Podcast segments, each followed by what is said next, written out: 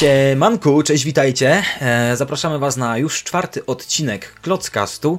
Dzisiaj tradycyjnie jest z Wami redaktor Poroniec. Cześć, witam Was, a razem ze mną jest niezawodny głos Libry. tak, z tej strony.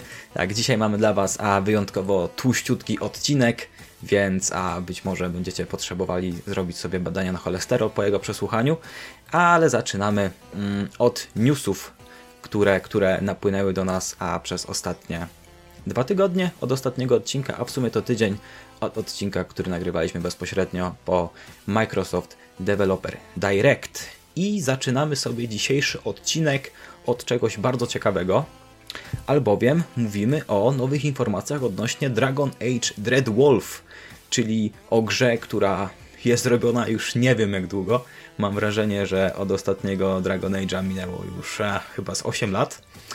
I to, czego się dowiedzieliśmy odnośnie nowej części Dragon Age, to w głównej mierze to, że tym razem gra jeszcze bardziej skupi się na akcji.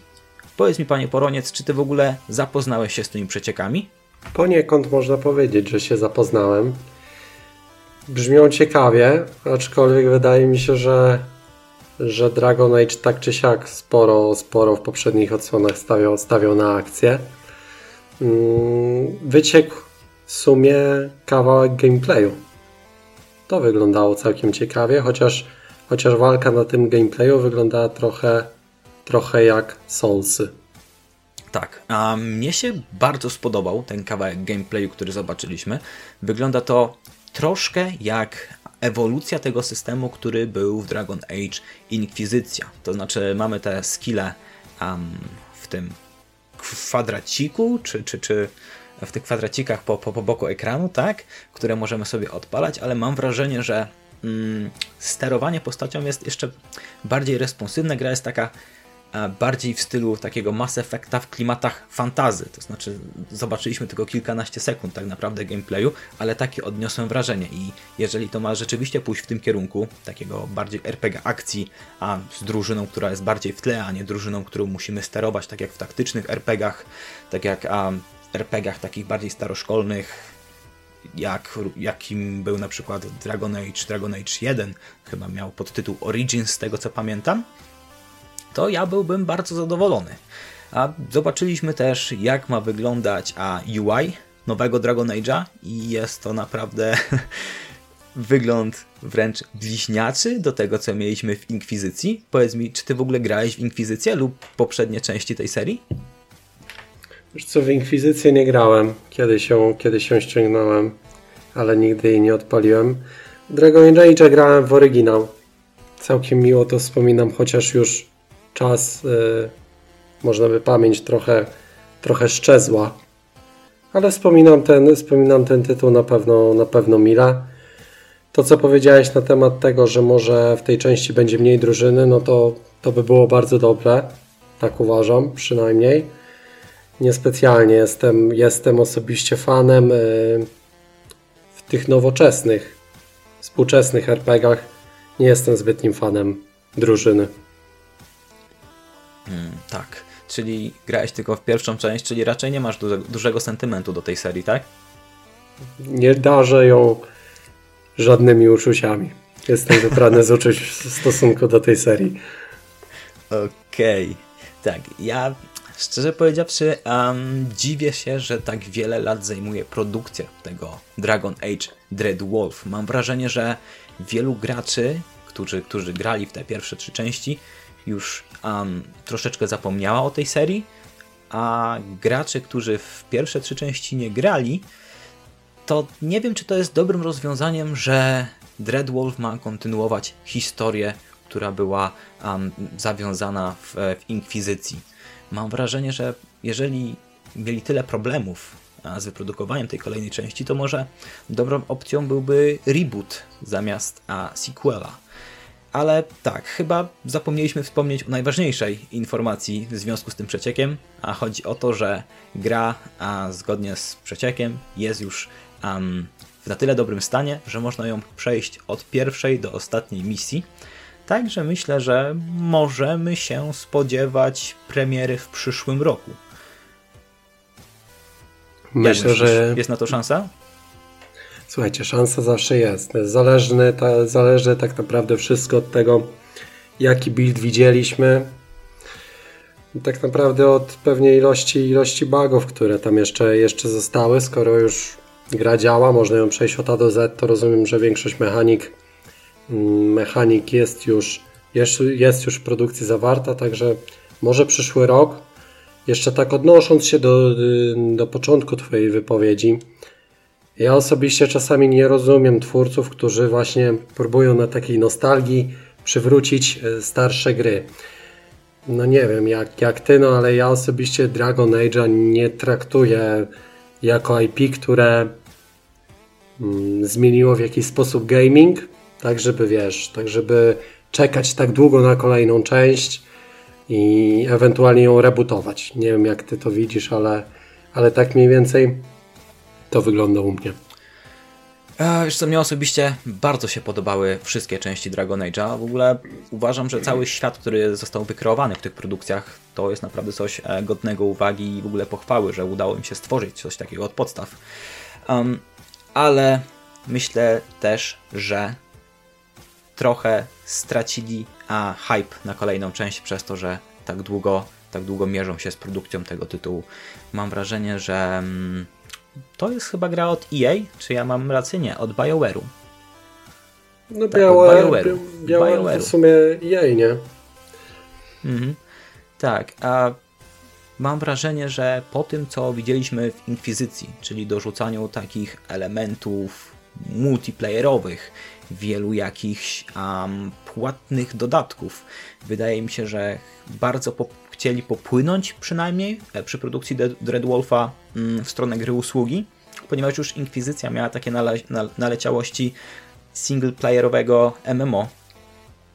Nie wiem, może potem e, w trakcie produkcji znowu im się zmieniła wizja, jednak postanowili bardziej a, pójść w stronę takiego prawdziwego doświadczenia singleplayer bez wielu mikropłatności, ale no cóż, no zobaczymy. W, w każdym razie ja osobiście czekam, ale mam wrażenie, że to nie będzie hit, jeżeli chcą bazować tylko na, na, na rozpoznawalności poprzednich części. Tym bardziej, że animacja ze świata Dragon Age'a, która miała niedawno premierę na Netflixie, też była naprawdę, no, nie ma się co oszukiwać, niskich lotów. Nie wiem, czy, czy zapoznałeś się z nią, kojarzysz w ogóle? Kojarzę tytuł, ale się nie zapoznawałem. Ko Mówiąc krótko, okay. podsum podsumując sytuację Dragon Age'a. Nie wiem, dlaczego poświęciliśmy w tym podcaście temu tytułowi już tyle czasu. Przejdźmy dalej. Okej, okay. dobra. Także mm, z kolejnej ciekawej rzeczy, jakiej dowiedzieliśmy się ostatnimi czasy, jest to, że dostaniemy demo gry Wolong Fallen Dynasty. Niesamowita sprawa, dostaniemy demo gry. Kiedyś to była normalka, kiedyś płyty z demami to była normalna rzecz, normalna rzecz w każdym piśmie growym, ale teraz demo to jest powód do święta. No i cóż, cieszymy się. I tak, Wolong Fallen Dynasty zadebiutuje w wersji demo a tydzień przed premierą, 24 lutego. I w wersji demonstracyjnej mamy otrzymać misję, po przejściu której odblokujemy DLC do pełnej wersji gry, która ukaże się 3 marca. Także będzie warto to demo ograć. Powiedz mi, panie Poroniec, czy ty w ogóle wiesz, z czym tego Wolonga się je? Mniej więcej wiem, mniej więcej wiem, tak dopowiadając, dopowiadając do tego dema, to grając w demo, mm, wasza, wasza progresja z tego dema przechodzi na pełną wersję, także jeśli jesteście zainteresowani tą grą, no to ogranie dema tak jakby nie będzie skutkować tym, że stracicie ten postęp, który wypracowaliście sobie w trakcie. Natomiast czym to się je, no to dla mnie to jakiś taki Souls-like kolejny. Było preview zrobione, nie pamiętam kiedy, ale chyba w wakacje tamtego roku lub też jesienią tamtego roku. No odpaliłem sobie tytuł, fajnie wygląda. No i tyle mogę powiedzieć. Ja raczej nie jestem fanem tego typu y, gier akcji, typu Soulsowych, także dla mnie nie jest to tytuł koniecznie do ogrania. Hmm. Czyli nie czekasz zupełnie, czy może troszeczkę? Jeśli nie miałbym w co grać, no to pewnie bym w to zagrał, ale mówiąc szczerze, rzadko mam tak, że mnie w co zagrać. Mm, więc, więc nie szczególnie. Natomiast tutaj myślę, że fajnie by było nawiązać też do tych demo, o których wspomniałeś i tego, że, że kiedyś było ich więcej, to prawda. Z tego, co, co wiemy i z tego, co słyszymy, zresztą z tego, co też opublikował Microsoft swego czasu w notce prasowej, no to Microsoft pracuje nad jakąś formą dem, które byłyby udostępniane graczom. Nie wiemy, czy to mm, skutkowałoby tym, że wszystkie gry, które wyjdą na Microsoft Store, będą musiały mieć demo. Tego nie wiemy, ale Microsoft pracuje nad jakąś tutaj formą, formą demek. Ja bym był bardzo za tym. Uważam, że dema to, są, to jest rzecz, która jedna z najlepszych rzeczy, od których gaming odszedł. Tak, tak. E, wydaje mi się też, że jeżeli jakaś gra wypuszcza wersję demo, to możemy odnieść wrażenie, że mm, twórcy są jakby pewni tego, że gra znajduje się już na tyle dobrym stanie, że to demo powinno im um, napędzić sprzedaż, że tak się wyrażę. Chociaż jeżeli weźmiemy pod uwagę, um, jak wyglądały dema ostatnich dużych gier, na przykład Forspoken, to mam wrażenie, że to demo dobrze sprzedaży nie zrobiło. No ale możemy tylko a, liczyć, że tym razem będzie lepiej. I tak, a jeżeli nie macie ochoty grać w demo, ale odczuwa, odczuwacie takie FOMO, że, że coś stracicie, jeżeli w to demo nie ogracie, że nie dostaniecie tego, tego DLC, to nie bójcie się, bo chodzi tylko o jakiś pojedynczy hełm, który mamy otrzymać w, w pełnej wersji więc nawet jeżeli coś stracicie, to myślę, że to nie będzie hełm, z którym byście biegali przez 40 godzin, jakie ma mniej więcej zająć nasza przygoda w Wolong Fallen Dynasty.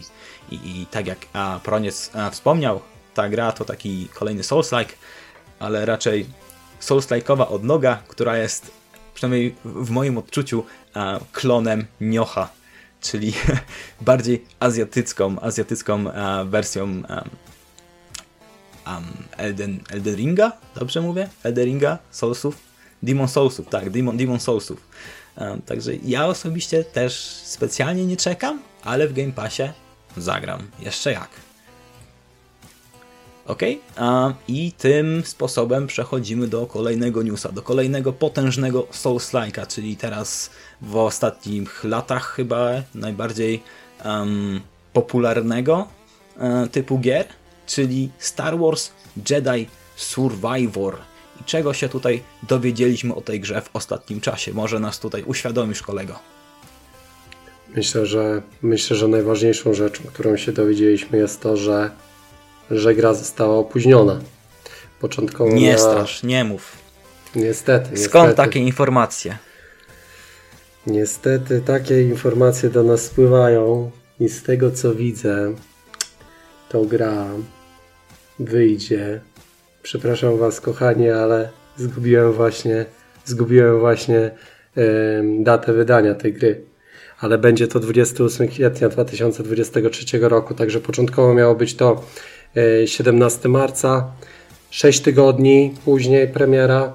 Taka typowe przesunięcie we współczesnej branży gier, polegające na tym, żeby jeszcze trochę tych bugów wyeliminować przed wypuszczeniem retaila do klienta. Taki typowy, typowy zabieg. Powiedz mi, czekasz na Star Wars Jedi Survivor, czy, czy tak jak ja jesteś w trybie I Sleep? Hmm. Wiesz co, mnie się pierwsza część bardzo po podobała. Jedyne zastrzeżenie, które miałem to to, że ci przeciwnicy się odradzali po, po medytacji, w tych punktach medytacyjnych w grze.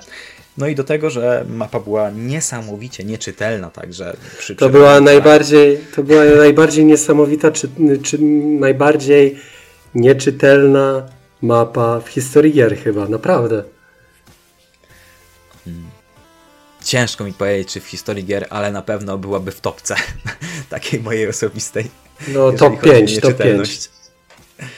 Tak. Um, I co? Ja na Jedi Survivor bardzo czekam. Historia z pierwszej części mi się bardzo podobała. System walki też był całkiem niezły, osobiście uważam, choć brakowało mi um, rozczłonkowywania przeciwników, które mi się tak bardzo kojarzy z walkami na miecze świetlne. Mam wrażenie, że um, taki system walki, w którym uderzamy przeciwnika i on reaguje na te uderzenia jak na uderzenia pałką. Czyli system podobny do tego, który mamy na przykład, nie wiem, w Skyrimie. Tam też mamy miecze, a przeciwnicy reagują na te uderzenia, jakby dostawali pałką cały czas po głowie.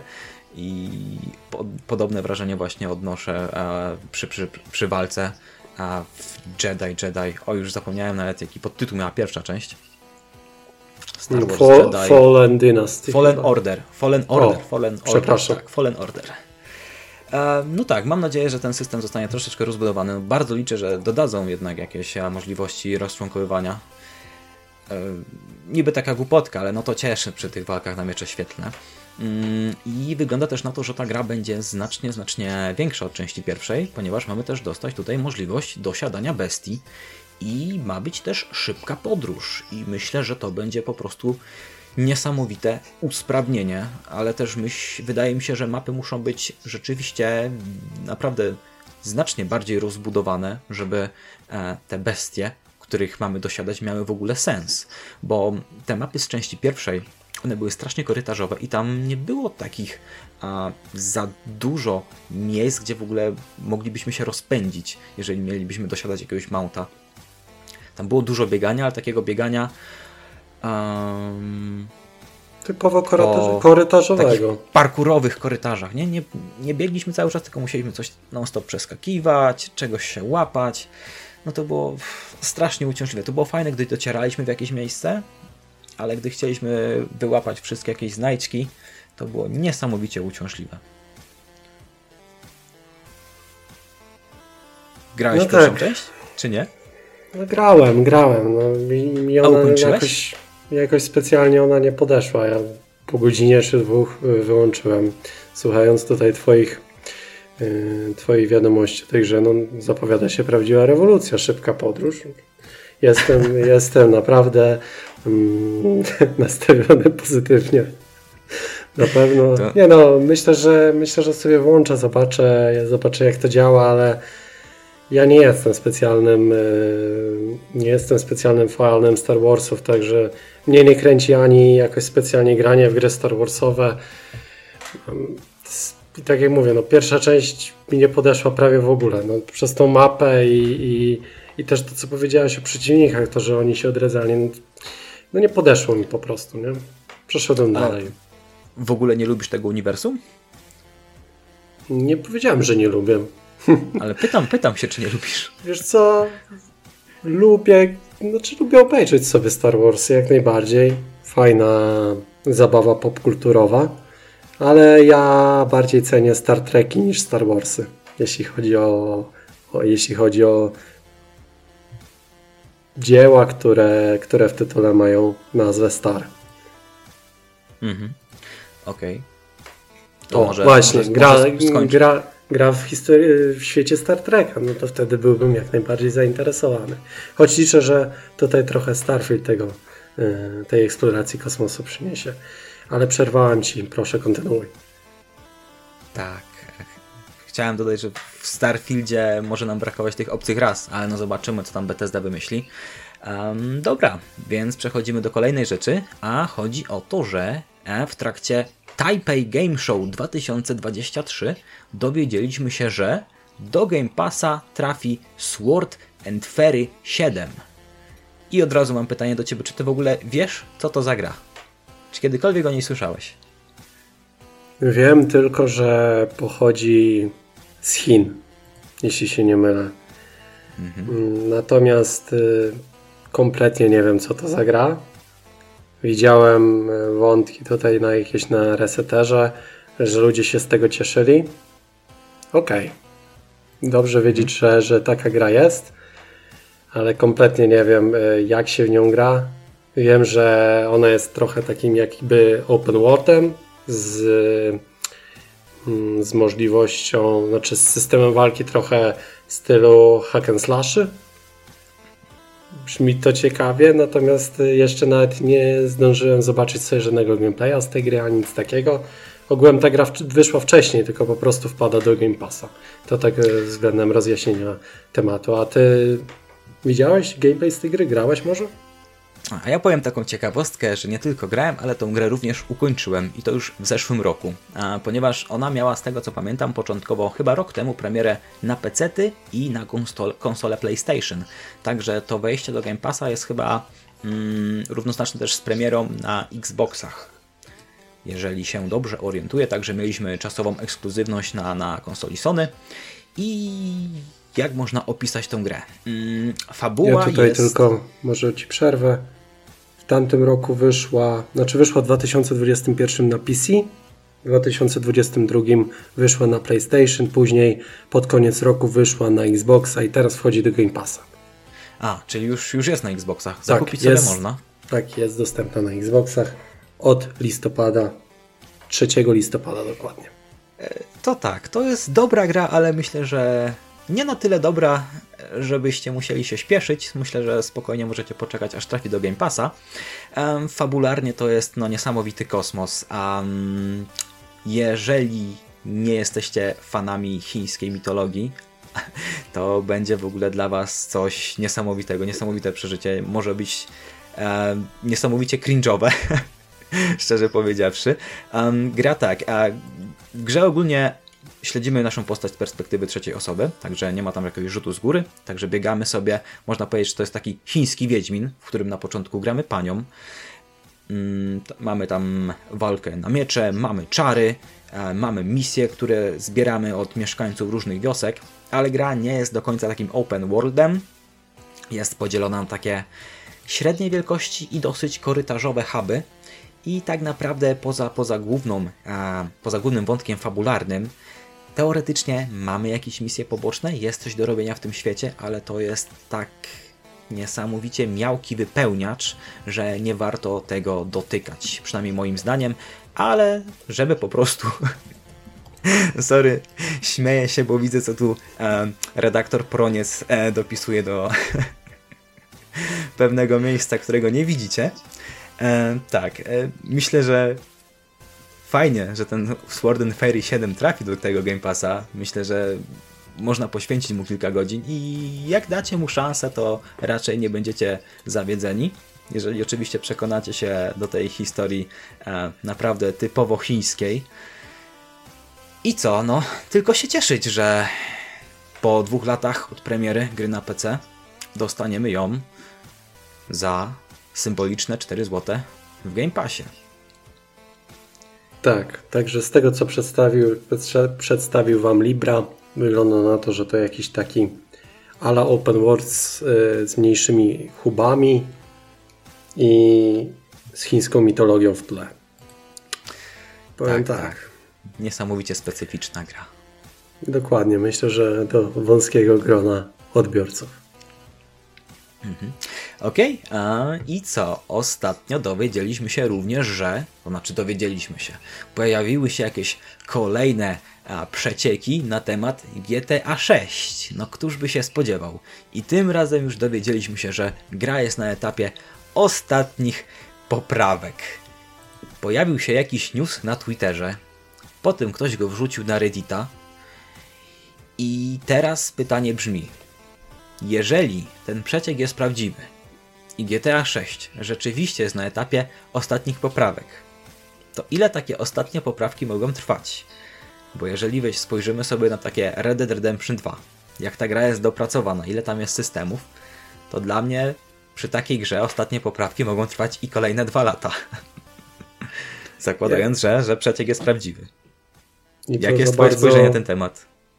Tak, to, to za bardzo się, się nie mylisz, bo, bo te ostatnie, ostatnie, um, ostatni etap, w którym usprawniasz produkcję, no to może trwać równie dobrze, tak jak mówisz, dwa lata. Także ja bym do tych, do tych plotek o tym, że GTA 6 jest gdzieś tam e, za rogiem, mm, nie brałbym ich jakoś na poważnie mocno.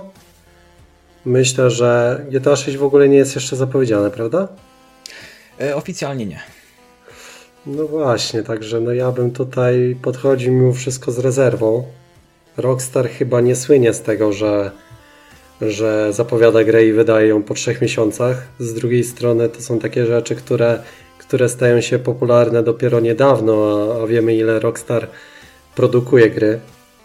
Także no nie można wykluczyć oczywiście, że w tym newsie jest jakieś ziarenko prawdy, ale równie dobrze wy możecie coś napisać na Twitterze i najprawdopodobniej to mniej więcej będzie miało taką samą wagę jak, jak ten przeciek. Mhm.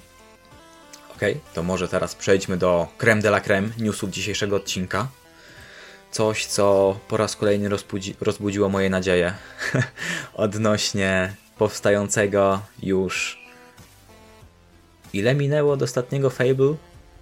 Chyba trójka była w 2007 roku? Może się mylę, może to był 2009, już nie pamiętam, ale na pewno minęło już kilkanaście lat. Także mm, zgodnie z tym, co pojawiło się na profilu LinkedInowym, LinkedInowym, mam nadzieję, że dobrze wymówiłem, e, jednego z produ producentów e, z Playground Games, e, pana Gila VJ. No, nie jestem w stanie powiedzieć, czy dobrze wymówiłem. Fable znajduje się obecnie w grywalnym stanie. Tylko co to znaczy, że jest w grywalnym stanie? Jak myślisz? Czy to chodzi po prostu o to, że możemy sobie pobiegać ludzikiem, a poza tym mamy e, zamiast tekstur jakieś makiety z Unreal Engine 5? Mm, na pewno nie będą to makiety z Unreal Engine 5. To na pewno, ponieważ e, Fable powstaje na Forza Techu. Także to, tego możemy być pewni. Natomiast myślę, że e, taki etap produkcji, no to na pewno jest tam coś więcej niż pobieganie ludzikiem. Jeśli ktoś pisze, że, że gra jest e, w, taki, w takim stanie, można by powiedzieć, że, że można ją ograć, no to najprawdopodobniej już zamknięty jest ten etap produkcji, jest już taka produkcja właściwa i, i jakieś tam buildy są wydawane. Pamiętajmy, że do, mm, do developmentu Fable dołączył inny też deweloper.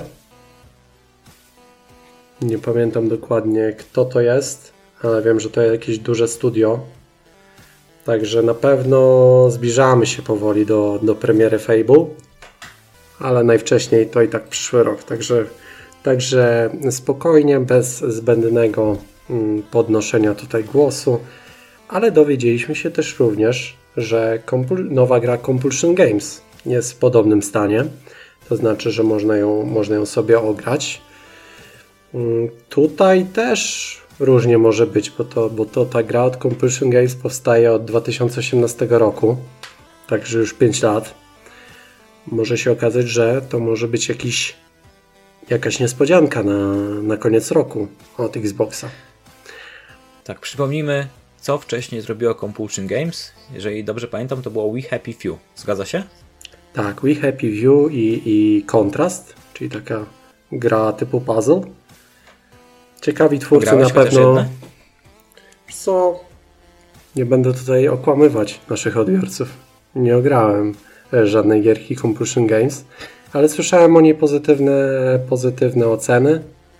Na pewno to, co się wybijało, to, co się wybija w tym studiu, Mm, no to, to przywiązanie do tworzenia historii ciekawych i ciekawych postaci. A, że tak powiem, zbierając to wszystko do kupy i z wiedzą, że ta gra ma być z perspektywy trzeciej osoby dla tych, którzy tęsknią za, za takimi grami w ekosystemie Xboxa, no to ta, ta, ta pozycja jawi się jako bardzo ciekawa. Szczególnie, że Compulsion w trakcie, kiedy Microsoft ich przejmował, no to zatrudniało około 40 osób, tak mi się wydaje. Obecnie jest to ponad 100, także podwoili, można nawet powiedzieć, niektórych y, może tak być, że, że potroili swoją liczebność, jeśli chodzi o developerów studio, także czekamy, zobaczymy, może coś ciekawego z tego wyjdzie. Mhm. Tak, także kończymy tego newsa smutnym smutnym jednak nastrojem, że Fable raczej w przyszłym roku się nie ukaże. No przynajmniej ja sobie już nie robię nadziei. To czy, czy w przyszłym roku się nie ukaże, to bym nie był taki, taki niepewny względem tego. W tym roku na pewno nie, to, to można stwierdzić z całą pewnością. A czy w przyszłym, to tak ja bym nie mówił, że jest to stracona nadzieja. Ja byłbym bardzo zaskoczony, jeżeli by się ukazało w przyszłym roku, a byłbym troszeczkę zaskoczony, jeżeli się w ogóle ukaże. Okej, okay. więc przejdźmy może do czegoś, czym obecnie żyje cała branża growa, czyli premiery potężnej gry na licencji, a mowa o Hogwarts Legacy, czyli gry, na której no, dużo osób wieszało psy, nie tylko ze względu na powiedzmy kontrowersyjne wypowiedzi pani Rowling, ale też na to, że a po gameplayach wiele osób sądziło, że ta gra jest w dosyć słabym stanie technicznym. A zgodnie z recenzjami, które dziś się ukazały, nagrywamy to 6 lutego, ja raczej w minusach nie widzę problemów technicznych na żadnej platformie, szczerze powiedziawszy. Raczej w minusach wymienia się takie rzeczy jak um, zbyt dużo lutu, który zbieramy w świecie gry. Więc jest, jest chyba kolejna bomba w tym roku, już po, po, po, po Hi-Fi Rushu. I tak. powiedz mi, panie Poroniec, czy ty śledziłeś tę grę do dzisiaj? Czy dzisiaj w ogóle zacząłeś ją śledzić? Śledzę ją, śledzę ją od dawna, wiecie, jestem w takim rozdarciu. Nie wiem, czy ją kupować, czy też nie kupować. Ciężkie, ciężkie decyzje przede mną do podjęcia. Nie jestem do końca przekonany, czy to będzie gra, w której powiedzmy spędzę te 50, 50 godzin. Zresztą yy, recenzje chyba mówią, ile się ogrywa główny wątek, prawda? E, tak, zgodnie z recenzjami w grze mamy jeden wątek główny i trzy takie główne poboczne, czyli tak, tak naprawdę mamy jakby cztery zakończenia gry, jest, jest po jednym zakończeniu dla każdego z tych czterech wątków i ten jeden, jakby ten najgłówniejszy wątek trwa około 20 godzin według większości recenzji. Okej, okay, okej. Okay. Myślę, że dolicza, doliczając jakieś tutaj, wiecie, zadania poboczne na jakimś open worldzie i tak dalej, no to pewnie, pewnie 50 plus godzin to ta gra zajmie. Nie wiem, jeszcze, jeszcze tutaj nie podjąłem, nie podjąłem wstępnej decyzji, no ale na pewno kiedyś byłem mega mocnym fanem uniwersum Harry'ego Pottera i myślę, że ta gra to może być takie spełnienie marzeń dla wielu, dla wielu z tych osób. Zobaczymy. No, to, mnie, to mnie troszeczkę zaskoczyłeś, jak mówisz, że kiedyś byłeś wielkim fanem i się wahasz z zakupem. Ja fanem nigdy nie byłem, filmy lubiłem sobie obejrzeć i preorder w sumie zrobiłem, bo te gameplaye, które były już w okolicach premiery wypuszczane, naprawdę na mnie zrobiły kolosalne wrażenie. Ta gra wygląda po prostu obłędnie.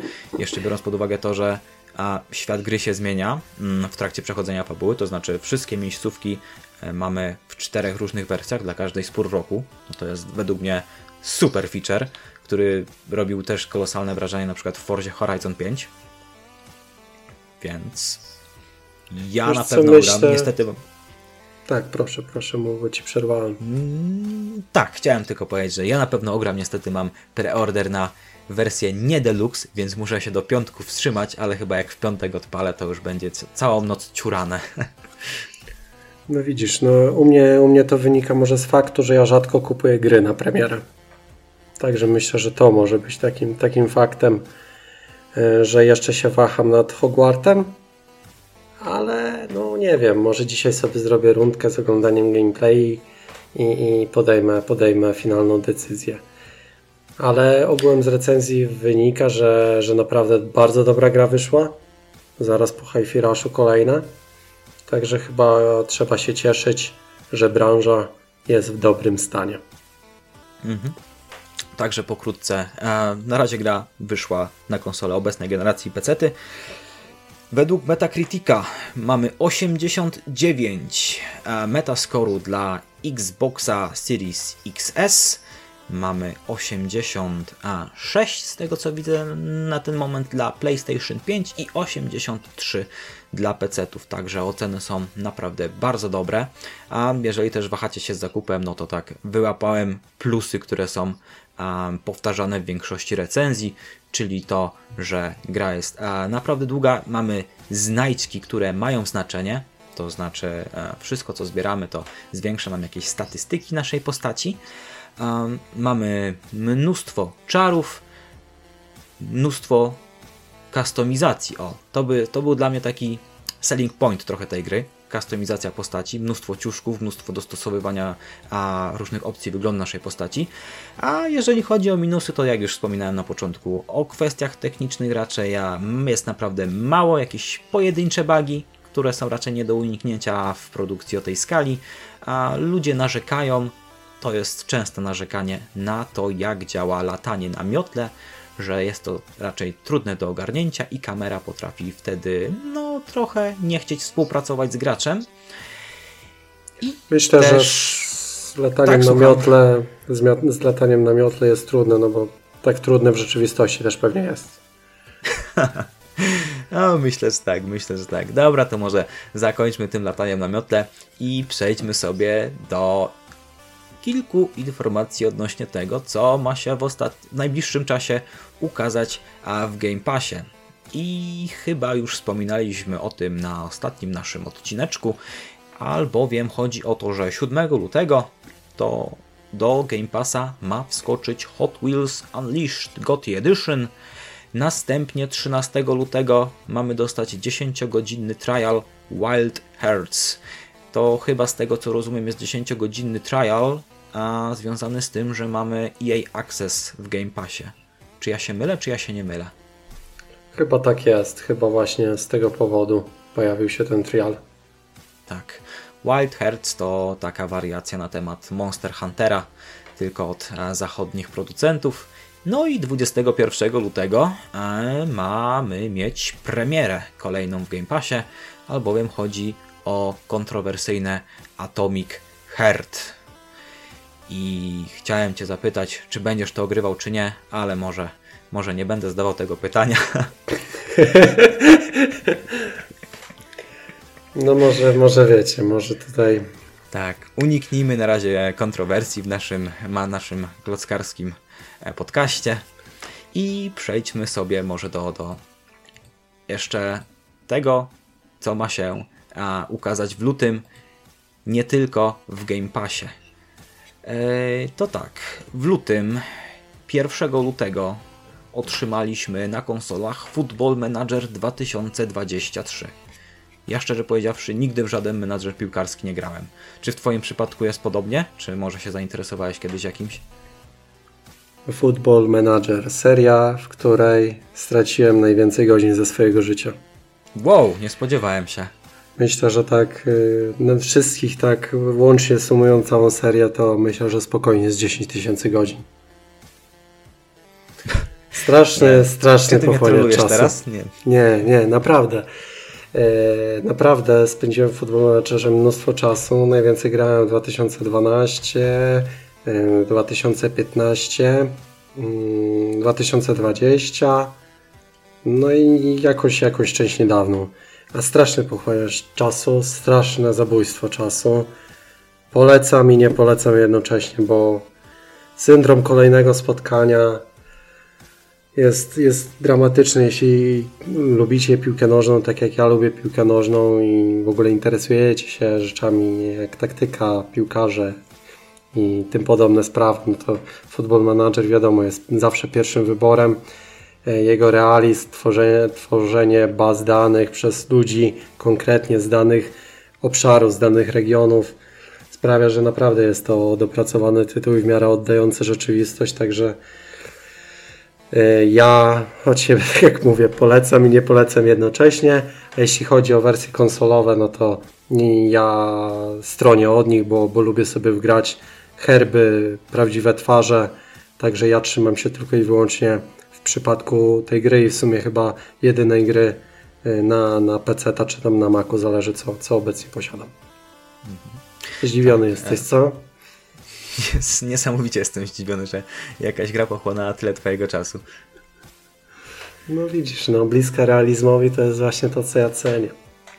Okej, okay. E, tak. A poza tym 2, 2 lutego, czyli już premiera jest za nami, pojawiło się Deliver as Mars na konsole poprzedniej i obecnej generacji oraz na PC-ty. I Deliver As Mars to jest gra, która mi się jakoś wcześniej nie przewinęła na moim radarze, a gdy sobie oglądałem teraz um, te premierowe gameplaye, to wygląda to naprawdę fajnie. Jest to taka przygoda, mam wrażenie, troszeczkę w stylu Uncharted, tylko że w klimatach science fiction. Także mamy jakąś naszą panią kosmonautkę, która przeżywa jakąś swoją a, kosmiczną, kosmiczną przygodę. Powiedz mi, czy ty w ogóle słyszałeś wcześniej o tym tytule, czy to jest pierwszy raz? Pierwszy raz. Pierwszy raz dzisiaj usłyszałem, jak, jak mi Libra podesłał linka do, do artykułu zbierającego wszystkie, wszystkie najbliższe premiery. Znaczy, jak większość gier z, tych, z tej listy, tak naprawdę. tak, także podsumowując, akcja gierki została umiejscowiona w XXI wieku i fabuła przedstawia historię grupy kolonizatorów czerwonej planety. Jeżeli kogoś to interesuje, macie w co pograć. A poza tym wychodzi jeszcze po wielu latach, po wielu latach w Early Accessie. To nie jest gra, która wychodzi na konsolę, ale jest to polska gra, więc uważam, że warto wspomnieć. Pojawia się w końcu premierowa, premierowe wydanie gry Gloria Victis. Gloria Victis to jest taki, taka gra MMORPG produkowana przez Polaków w Polsce, także jak to mówił Pudzian, Polska górą. Polak strong! tak. E, I co? Gra jest przede wszystkim ciekawa z tego powodu, że mamy tutaj system walki taki non-targetowy i właściwie nie ma tu żadnej magii. Także jeżeli ktoś Wam obetnie rękę, no to sorry, nie odrośnie. Poza tym, a dla osób, które chciałyby wskoczyć do Hogwartu, to Hogwart Legacy, o którym już wspominaliśmy, wychodzi dla wszystkich do pogrania. Oczywiście dla wszystkich, którzy zapłacili. 10 marca. I kolejną grą, o której jeszcze chciałem wspomnieć, jest Wanted Dead, które ma się ukazać 14 marca. I to jest mała produkcja której nie widzę na wielu portalach growych, a która naprawdę przykuła moją uwagę. Wygląda to troszkę, takie mam pierwsze odczucia, że to jest takie Hotline Miami, tylko że w pełnym 3D, z trzeciej osoby i w której mamy naprawdę niesamowite animacje walki. Powiedz mi, widziałeś w ogóle tą grę wcześniej? Jakieś gameplaye, trailery?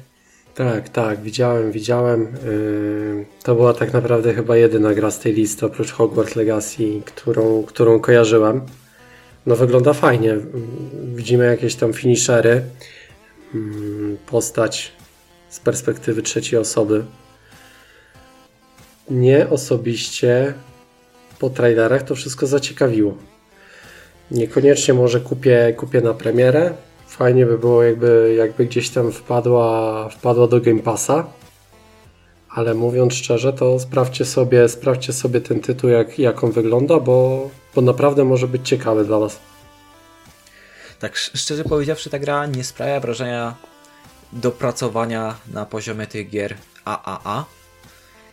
Więc waham się z zakupem. Myślę, że na premierę na pewno do tego nie dojdzie.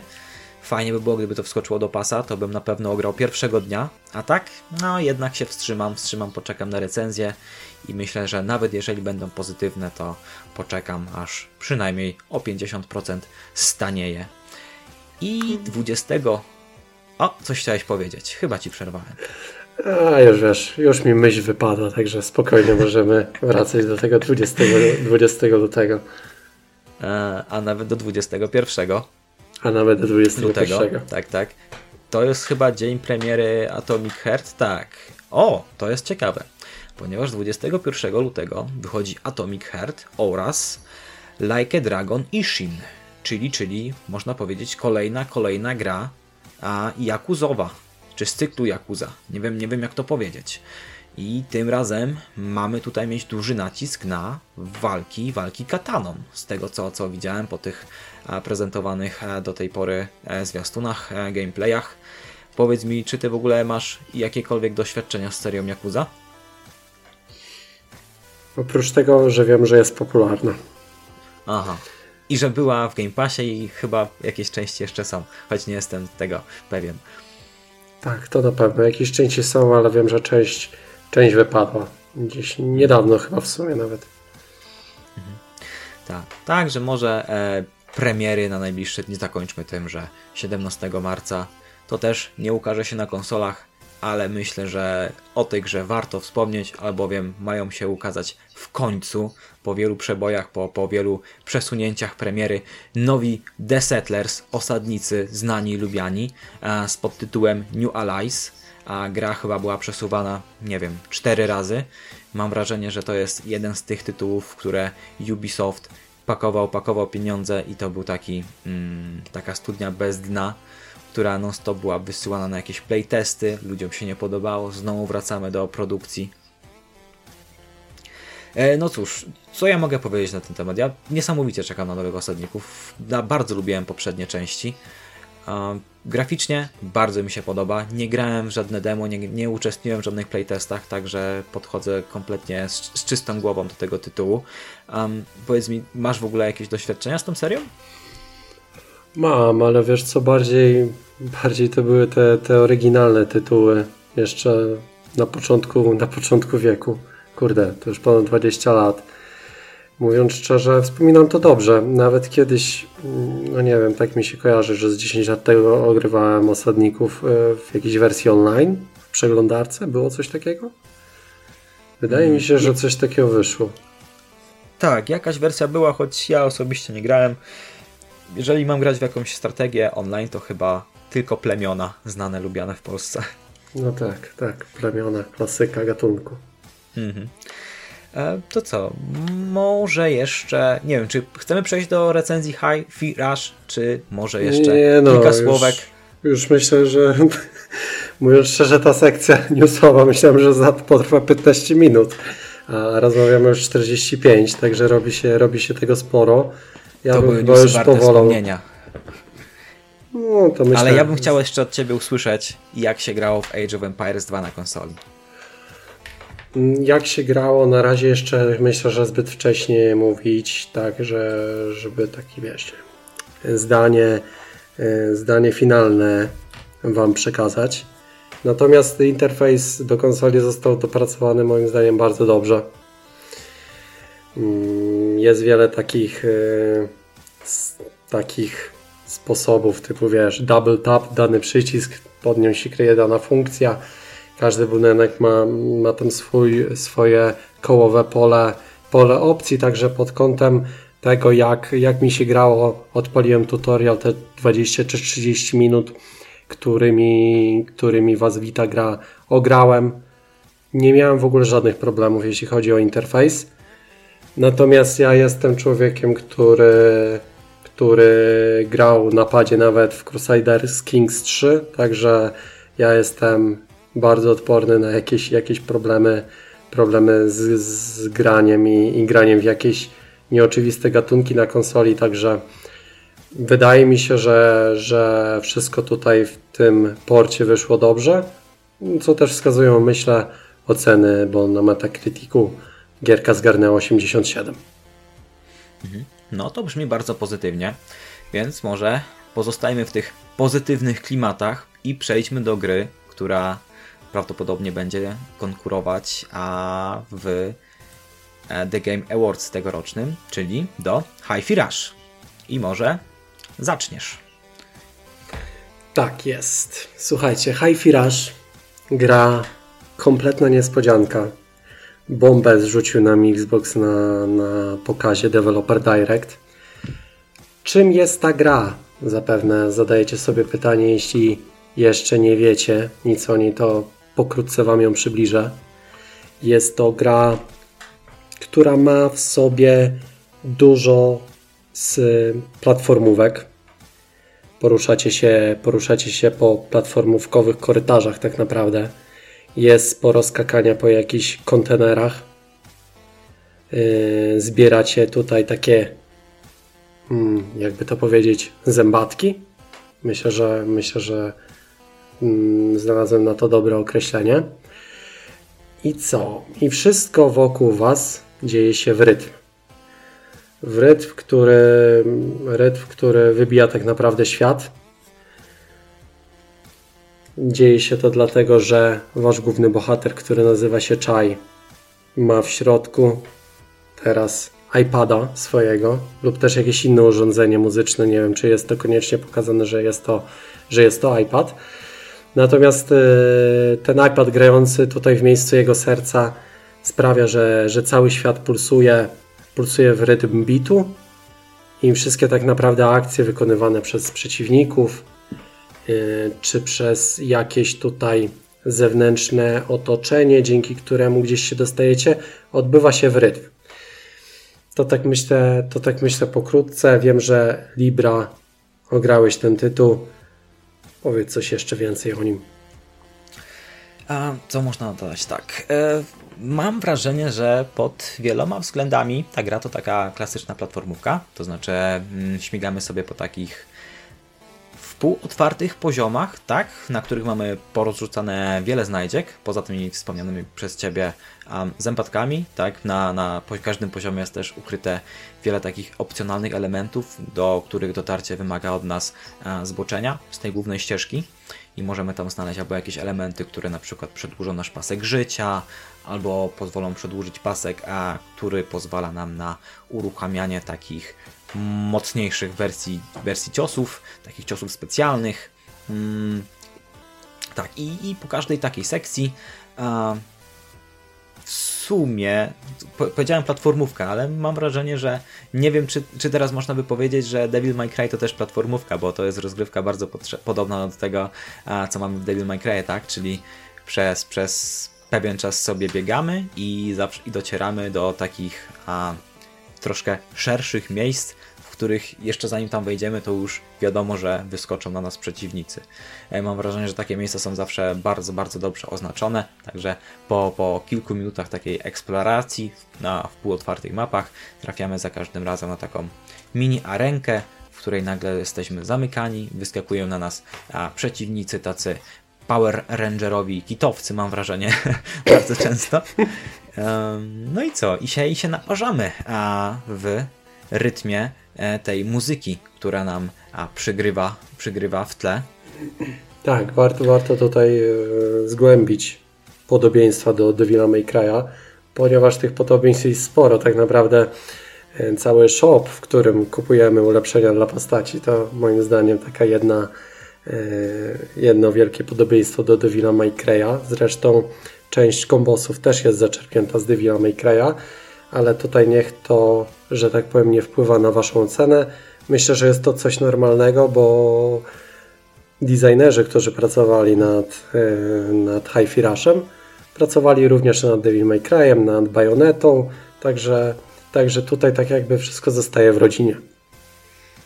A, tak, tylko że z tym podobieństwem do Devil May Cry, Devil May Cry jest, jest taki problem, że jeżeli mamy patrzeć na tą grę jako slasher, to nie jest tak dobrze jak w Devil May Cry. Tutaj mamy do dyspozycji tak naprawdę tylko jedną broń. Całą grę walczymy tą naszą gitarką. Ilość kombosów to też nie jest poziom Devil May Cry, mam wrażenie. Nie jest ich jakoś specjalnie dużo. Mm, I mam wrażenie, że łączenie tych kombosów też nie jest tak płynne jak w Devil May Cry. Um, tak naprawdę największym featurem i takim selling pointem tej gry jest właśnie to, a jak bardzo ta walka jest skupiona na tym trafianiu w rytmy. Mam wrażenie, że niezależnie od tego, jaki poziom trudności wybierzemy, jeżeli nauczymy się trafiać w ten rytm, czyli sobie tak wystukiwać kombosa, idealnie potem trafiać um, rytmem w wykonanie uniku, to nasza postać jest a no tak naprawdę nieśmiertelna, bo nikt nie da rady nas trafić. I też e, jeżeli chodzi o, o samą walkę, mam wrażenie, że w tej grze za wolno dostajemy e, nowe umiejętności, nowe kombosy, a nawet jak już ich je dostaniemy w późniejszych etapach, to ostatecznie nie jest ich na tyle dużo, by sama walka, by samą walkę można było nazwać, e, porównać swoim rozbudowaniem, skomplikowaniem do tego, co mamy dostępne w Devil May Cry. No tak, to tutaj zgoda. Jeśli chodzi o skalę, to, to, jest, to jest to skala mniejsza niż w Devil May Cry. Tak. I a, a powiedz mi, jak u Ciebie było z tym trafianiem w rytmy? Zacząłeś grać w Hi-Fi Rush i co? Wiesz co? Y, no na początku, na początku było trudno. Na początku było trudno się, trudno się przestawić, ale wiesz co, dzięki temu właśnie, że, że ten świat pulsuje, że wszystkie akcje odbywają się w rytmie, to bardzo dużo pomaga tej grze. Mm, ja osobiście kończę zwykle te areny. Mm, jak skończycie każdą arenę, to dostajecie tak jakby skora. Mm, no to ja kończę tutaj, jeśli chodzi o integralność z bitem na poziomie 50-60% mniej więcej. Nie wiem, czy to jest dużo. To jest chyba ocena B lub też C. Także tak w połowie chyba. Zresztą wskazują na to procenty. A u Ciebie jak to wygląda? Co, ja większość gry ukończyłem z ocenami A i S. I na początku to było dla mnie trochę trudne i nieintuicyjne, żeby trafiać w ten rytm. Jak zacząłem w to grać um, i tak tam pierwszą misję sobie ogrywać, to nie trafiałem w ogóle. tak naprawdę bardzo cieszyłem się, że w ogóle mogę zadawać jakiekolwiek obrażenia, nie trafiając w ten rytm. W końcu sobie e, wszedłem do ustawień i tam mamy taką opcję, żeby włączyć wizualną reprezentację rytmu. To nam a, tworzy taki pasek na dole ekranu, który a, trochę podobnie jak do tego, co mamy w Guitar Hero, gdy schodzą się takie paseczki w środku ekranu, no to wtedy mamy informację taką wizualną, żeby wcisnąć przycisk. Także pograłem sobie z tym paskiem jakieś 5 minut i to pozwoliło mi wyczuć, wyczuć e, ten rytm, który teoretycznie wybijają te piosenki, które nam grają w tle. Choć z tymi piosenkami ale może do piosenek przejdziemy później. Um, I gdy już sobie pograłem w ten sposób, to potem, słuchając tej muzyki, jakoś tak mimochodem, zacząłem tupać nóżką. I całą, całą resztę gry, już po tych, po tych 20 minutach a problemów z rytmem, przeszedłem właśnie tupiąc nogą, normalnie przez, przez cały gameplay i przy każdym takim uderzeniu nogą po prostu miałem już taką wiesz, wyuczone takie odruchy, żeby wciskać przycisk. I to mi tak niesamowicie uprościło tą grę, po prostu stała się banalnie prosta. Gdy zaczynała się piosenka, zaczynałem tupać nogą, no nie, tak sobie siedząc przed monitorkiem i w rytm tego tupania nogą, nawet nie tej samej muzyki, wciskałem te przyciski i to po prostu był złoty środek na każde starcie. Tak, tak. Z tym tupaniem też tak mam. Jak już wiecie, każdy poziom ma, każdy poziom ma inny, inną muzykę, trochę inny beat. Także po, po, pewnym, po pewnym momencie w danym poziomie zaczynacie właśnie sobie nogą delikatnie ruszać. No chyba, że to jest ADHD, nie wiem do końca. Natomiast tak jak Libra stwierdził, yy, to pomaga. I mówiąc szczerze, nie jest to trudna gra rytmiczna. Nie, y, rytm nie jest tutaj jakby mm, trudnością do, do przeskoczenia. Myślę, że myślę, że tutaj twórcy dobrze, dobrze zbilansowali tą, tą rozgrywkę. Natomiast gdyby ten, ten bit Wam przeszkadzał, to w ustawieniach dostępności jest możliwość taka, żeby na przykład zadawać, mm, zadawać obrażenia niekoniecznie będąc w rytmie. Może źle to powiedziałem, ale, ale nie musicie być w rytmie, żeby trafiać w rytm. O tak powiem. E, gra automatycznie Was do tego, do tego rytmu do tego rytmu zbliży. Mm, tych tak. ustawień dostępności jest sporo, także mm, jeśli obawiacie się, że odpadniecie od tej gierki, to mimo wszystko polecam Wam ją sprawdzić, bo, bo tych ustawień jest sporo. Widziałem tam nawet takie skrajne ustawienie, że możemy wciskać jakiekolwiek przyciski i postać będzie w ogóle walczyła, wykonywała uniki sama. Także jeżeli chcecie po prostu pograć dla samej historii, macie tryb, w którym wystarczy wciskać cokolwiek na napadzie. Także tak jakbyście grali z kimś młodszym, komu dajecie pada, który nie jest podłączony do konsoli i udajecie, że gra z wami, macie tutaj bardzo podobny tryb dla pojedynczego gracza. Mm, Dokładnie. Tak, ja... A zmierzając do historii, może już powoli, no to sterujecie tutaj bohaterem, który ma na imię Chai. Jest niespełnioną gwiazdą, jest niespełnioną gwiazdą roka i zapisuje się on tutaj do jakiegoś, mm, do jakiegoś projektu, który realizuje Vandalay Industries, które pozwala chyba mm, pozwalał porać się, myślę, że z takimi kontuzjami, ponieważ nasz główny bohater stracił rękę. Tak wynika, tak wynika tutaj z tej gry i dostaje nowe magnetyczne roboramię. Także ta gra jest y, taka utrzymana w stylu cyberpunkowym. Dużo jest cyborgów. Wiesz no co? co? Ja się teraz zastanawiam, czy on stracił rękę. Wydaje mi się, że w trakcie tego ulepszania tą rękę mu ucięli i wstawili robotyczną. Ale on miał tą rękę na tym blaku e, w początku, Aha, e, okay. na, na, na, początku gry. Także historia w ogóle chyba nie, nie, nie odpowiada na to pytanie, tak mi się wydaje. Dopowiadając Wam, ja jestem mniej więcej w połowie gry na, na siódmym lub też ósmym levelu. Natomiast e, Libra przeszedł tą grę, ale mi się wydaje, że nie ma wytłumaczonej tej sytuacji tak naprawdę. Wydaje mi się, że po prostu on mm, stracił, stracił tą rękę, ale skoro miał ją na blaku, no nie wiem, ciężko, ciężko tutaj powiedzieć. W każdym razie dostał robotyczną rękę. Przez przypadek w miejsce jego serca trafił odtwarzacz muzyczny i przez to, że ten odtwarzacz muzyczny tam trafił, nasz bohater został uznany za defekt i władze firmy uznały, że trzeba defekt usunąć. I w ten sposób a, zaczynamy być takim rebeliantem walczącym a, z tą władzą firmy i w ten sposób też poznajemy inne postacie, a, którym to, jak ta firma działa, nie do końca odpowiada i nie wiem, czy chcemy mówić więcej, żeby tutaj e, nie robić jakichś spoilerów, bo całą fabułę tak naprawdę śledzi się tak jak jakąś kreskówkę na, na Jetixie. Tak, to prawda. Myślę, że myślę, że nie ma co chyba więcej tutaj dodawać, jeśli chodzi o historię. Ja tylko powiem tak, że historia ma, ma fajnych i, i takich wyrazistych pod kątem kreski, kreski bohaterów. Mhm. Znaczy bossów może bardziej, nie bohaterów. Tak, to może teraz ja bym powiedział kilka słów odnośnie muzyki, bo dla mnie muzyka to jest taki a, najważniejszy punkt tej gry. I jak sobie przesłuchiwałem soundtrack już po tym, jak ograłem ten tytuł, to ten soundtrack nie wiem, czy był niepełny, ale miał chyba 7 piosenek. I to się pokrywało dokładnie z moimi, odczucia, z, od, z moimi odczuciami a, z gameplayu, ponieważ początkowe mam wrażenie, trzy etapy, miałem wrażenie, że cały czas w tle gra ta sama piosenka, ten sam utwór muzyczny.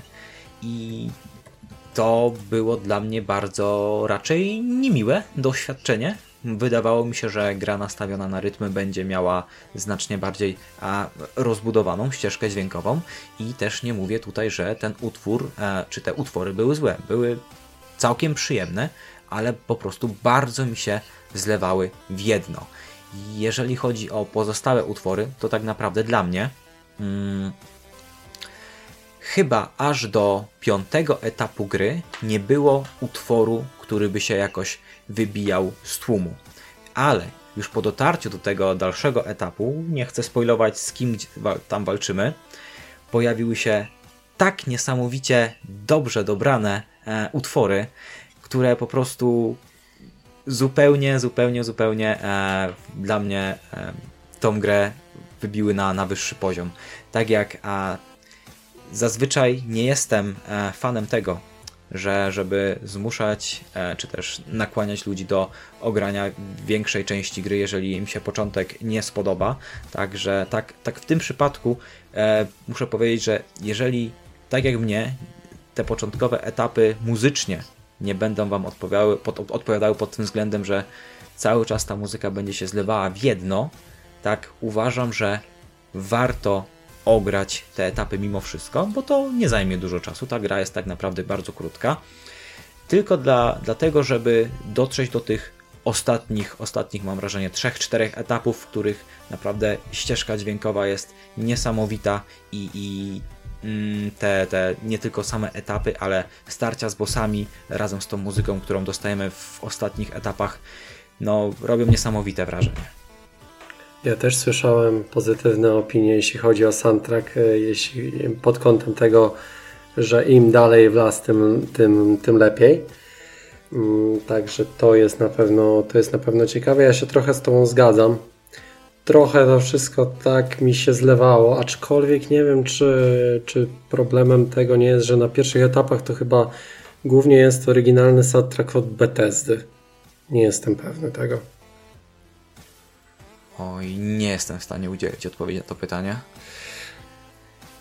No dobra, ciężko powiedzieć, ale, ale muzyka pod koniec, tak jak Libra wspomniał, no myślę, że myślę, że nadrobi to jeszcze, co, co, co mój wspaniały kolega wcześniej powiedział o tym, że, że może nie namawia do, do grania gry, jeśli na początku nam się nie spodobała.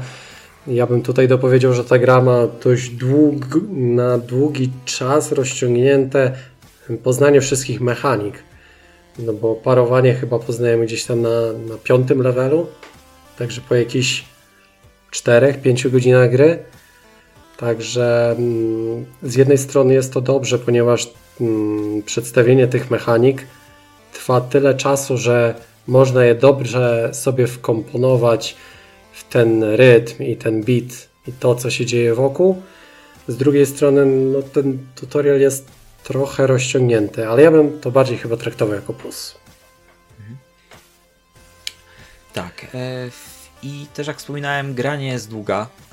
Ja osobiście można powiedzieć, lizałem ściany. Żadnego etapu gry nie przebiegłem, starałem się szukać wszystkich e, tych elementów opcjonalnych do zbierania. Także zbierałem tam jakieś elementy do ulepszenia e, zdrowia, tego paska właśnie do odpalania tych specjalnych, e, specjalnych umiejętności i całość gry, nie wiem czy mi zajęła, wątpię, że 7 godzin mi zajęła całość. I jeszcze, co ciekawe, jeżeli będziecie tak lizać te ściany, to na pewno natkniecie się na miejsca, do których dostęp będzie zablokowany na tych etapach, które rozgrywacie. I co ciekawe, na późniejszych etapach dostajecie umiejętności, które pozwalają takie przeciwności pokonywać. I grając dalej fabułę, nie ma teoretycznie możliwości powrotu do tych miejsc, które już odwiedziliśmy, więc ja początkowo miałem takie wrażenie, że po co mi dają tą umiejętność teraz, skoro nie mogę pootwierać e, tych miejsc, które widziałem na poprzednich etapach. I gdy ukończycie główną, główną fabułę, to odblokowują nam się jeszcze kolejne dodatkowe tryby rozgrywki, w których między innymi możemy zrobić na przykład znowu przejść te etapy, które przechodziliśmy na początku i w nich podkrywać te wszystkie, wszystkie mm, sekrety poukrywane za miejscami, które wymagały od nas, od nas tych skilli, które poznawaliśmy w dalszej części fabuły, albo możemy na przykład zagrać sobie w jakieś wyzwania, na przykład czasowe, czy też wyzwania polegające na takim boss, boss rushu, czyli walce z samymi bossami, które napotkaliśmy w grze. Z tego co wiem, to w takim trybie właśnie na Game Plus już po przejściu gry można również zmienić outfit zarówno 808, jak i Chaya, także jeśli lubicie kustomizację, to, to nawet w takiej, no może małej gierce to złe słowo, ale, ale nawet w takiej gierce jest możliwość e, kustomizacji. Tak nawiązując do, do tych strojów, grafika nie stoi daleko od strojów. Yy, powiedz mi, jak Ci się podobało tutaj ten styl taki, yy, taki właśnie kreskówkowy, czegoś, co mówiąc szczerze, gry często dobrze tego nie robią. A jak jest w przypadku Hi-Fi Rusha, Twoim zdaniem? Mm, wiesz co, ja osobiście bardzo lubię e, cel shading i jeżeli chodzi o to, jak ta, jak ta gra wygląda, to z grafiką mam podobne odczucia jak z muzyką w tej grze. Początkowe etapy mi się wydawały bardzo zlewać graficznie. Były takie bardzo płaskie. Mm, I im dalej w las tak naprawdę, tym ta grafika jest znacznie bardziej mm, ciekawa. Te, te etapy są znacznie bardziej różnorodne. Miałem wrażenie początkowo, że cały czas będziemy pozamykani w tych a, metalowych korytarzach, ale nie. Potem się robi znacznie bardziej interesująco, więc też polecam a jeżeli początek się nie spodoba, to jednak się troszeczkę zmusić, żeby dotrzeć tam dalej. Um, I ja osobiście oceniam tę grafikę bardzo, bardzo na plus. Być może nie jest tak a pełna detali, jak takie gry, które próbują się silić, silić na e, taki fotorealizm, ale dzięki temu ta, wygląda, ta gra wygląda dobrze dzisiaj, ta gra będzie wyglądała dobrze i za 10 lat i ta gra będzie działała równie dobrze dzisiaj, jak i na komputerach, które będą za 10 lat. Jestem o tym przekonany. To na pewno, to na pewno. Może. Kurde, gdzieś, gdzieś zgubiłem wątek, ale chciałem powiedzieć też, jeśli chodzi o, o grafiki, no to moim zdaniem animacje różnych walk z bossami, różne cutscenki, to jak wygląda mimika postaci, to moim zdaniem jeden z takich mocnych, yy, mocnych zalet tego tytułu. Tak, i mimo tego, że fabuła to jest no jednak poziom takiej kreskówki dla dzieci, muszę powiedzieć, to mi się ją raczej przyjemnie śledziło mimo wszystko. Było kilka miejsc, w których naprawdę się zaśmiałem, było całkiem zabawnie, chociaż było dużo też miejsc mocno takich, a, nie mam zastępstwa polskiego na to słowo, cringe'owych. Myślę, że nikt już nie będzie szukał tutaj synonimu polskiego, po prostu myślę, że cringe weszło do, do użytku i wkrótce będzie w słowniku e, języka polskiego. Tak, tak, myślę, że myślę, że mogło się to wszystko podobać, a powiedz mi performance, może jeszcze omówimy sobie, jeśli mówimy o grafice, no to ja tutaj zrobiłem research i podobno jest to jeden z lepszych hmm, lepszych premier ostatnich miesięcy w gamingu. E, tak, jeżeli chodzi o, o, stabilność klatek, no to ja nie mam tutaj nic do zarzucenia. Jeżeli w ogóle chodzi o stronę techniczną, to ja nie spotkałem się z żadnym bugiem. Nic mi się nigdy nie wykrzeczyło, nie wyrzuciło mnie do pulpitu. Um, nie miałem też problemu z jakimś checkpointem, czy też tym, że jakiś element w grze się nie wczytał, żeby musiał ładować save od nowa. Także pod tym względem jest perfekcyjnie. Przynajmniej ja nie znalazłem nic, na co mógłbym narzekać. Ty ogrywałeś grę na PC, prawda? Tak. Tak, no to tak jak słyszeliście, na PC tutaj wszystko gra, e, na Xboxach tym bardziej wszystko gra, nie miałem żadnych problemów póki co na tym etapie gry, na którym jestem, także śmiało można powiedzieć, że jeśli chodzi o, jeśli chodzi o dopracowanie tej gry, no to, no to stoi na bardzo wysokim poziomie. Yy, tak myślę, że Może co? Klamerką to podsumujemy. Tak, tak. Przechodzimy powoli do, do oceny. Dawaj, Libra, ty jesteś bardzo. Mm, hmm, jak Jaki jestem? Jaki jestem? Oj, właśnie teraz tak się wkopałem, wiecie, kochani, i nie wiem uczciwy. do końca jak wybrnąć, jak wybrnąć z tej sytuacji, ale tak, można by powiedzieć, że uczciwy, ale ja bym powiedział, że, że taki bardzo, yy, bardzo ostry jesteś w swoich ocenach. Także, także powiedz, co sądzisz o tej grze, tak, tak już podsumowując. E, to jest bardzo dobra gra, ale ja nie podzielam tego hura optymizmu, który, który panuje po jej premierze. Tego, że ma 99, a chyba user score'a na Metacriticu, coś takiego. Nie, no chyba tak. mniejszy ma, 9.0 chyba. Czy tam 99% ją poleca? Coś takiego kojarzę.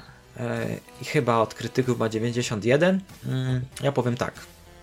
Jak wspominałem, początkowe etapy w moim odczuciu, nie wiem jak będzie dla innych, ale jako, że moja ocena będzie subiektywna, to początkowe etapy mi się zlewały w jedno.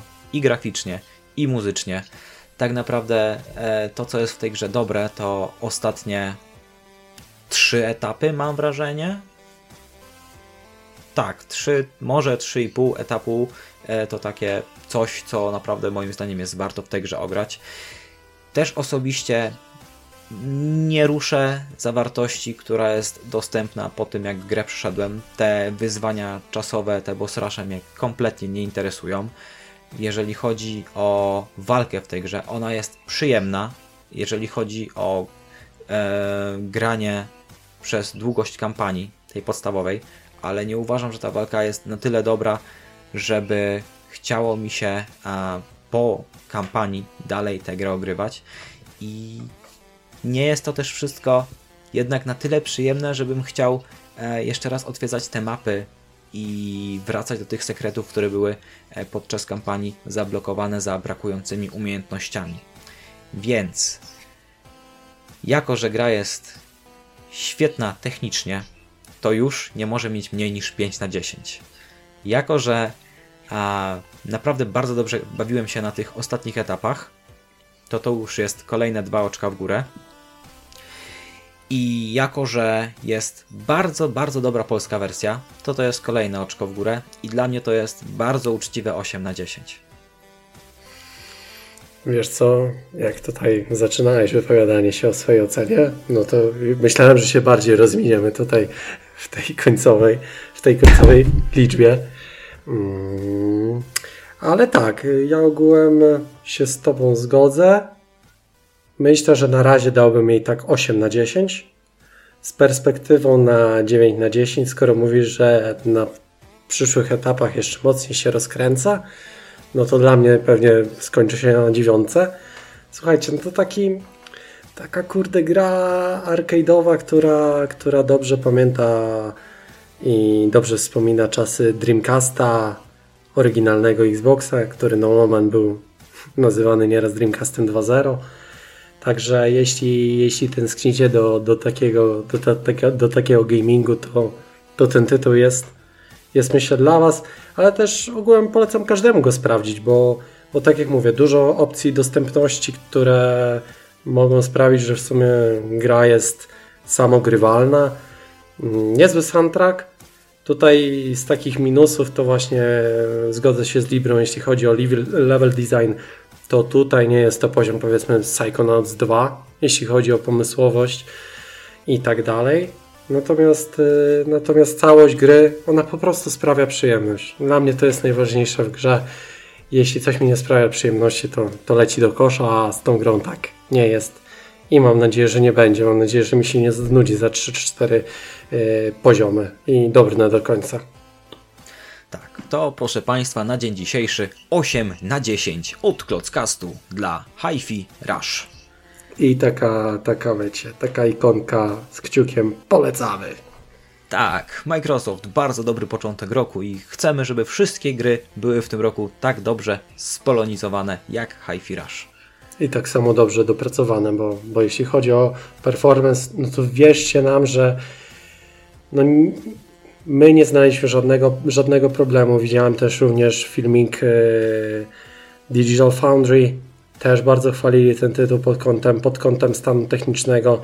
Także moim zdaniem gracze właśnie powinni takie tytuły doceniać i pokazywać, że, że duż, te największe produkcje powinny właśnie dążyć do takiego poziomu wykonania pod kątem technicznym.